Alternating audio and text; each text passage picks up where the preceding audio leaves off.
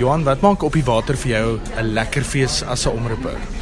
Wel is van die land af, né, in die eerste instansie. Dis logies, maar as jy nou dit vergelyk met sê byvoorbeeld uh, Aardklop in die bos, KAK&K, uh, Graamsstad byvoorbeeld, is dit so uniek want die, jy ken later al die mense op die boot. Uh, daar is 2600, maar hierdie skipie uh, bring die mense baie naby aan jou en aan die kunstenaar. So ek dink dis die eksklusiewe waarde daarvan en dat jy binne 4 dae meer as 20 produksies kan sien en jy kan kies ook van alle forme.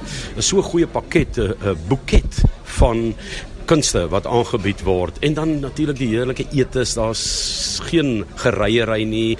Daar is nie pendeldienste wat nodig is nie. Ek dink dit maak dit baie eksklusief en die mense geniet hulle gate uit. As gesoute omroeper, hoe verander hierdie byvoorbeeld jou voorbereiding? Wel jy's baie besig want dis nie net daar waar jy optree nie, dis om met almal te kommunikeer en kommunikasie is 'n groot uitdaging op die skip want jy het nie die kommunikasie selfone werk nie, almal is nie op roaming nie, op internasionale kode nie.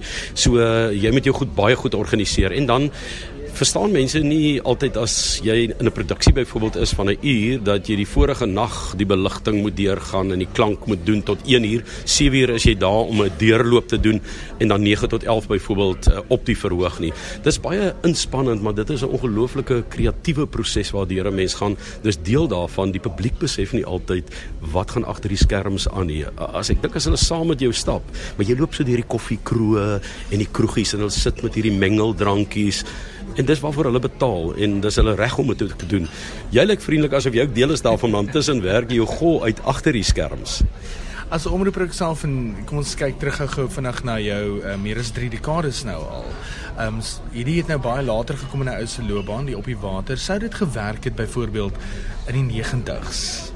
Ek dink 'n ander styl, maar jy ek dink nie dit sou op dieselfde manier gewerk het as vandag nie. Ek dink mense is baie meer oop vandag. Kan ook sien aan die gehoor wat ons hier het verteenwoordigend van Suid-Afrika. Almal kommunikeer dat laat 'n mens eintlik hoop gee dat uh, mense groter respek het vir mekaar.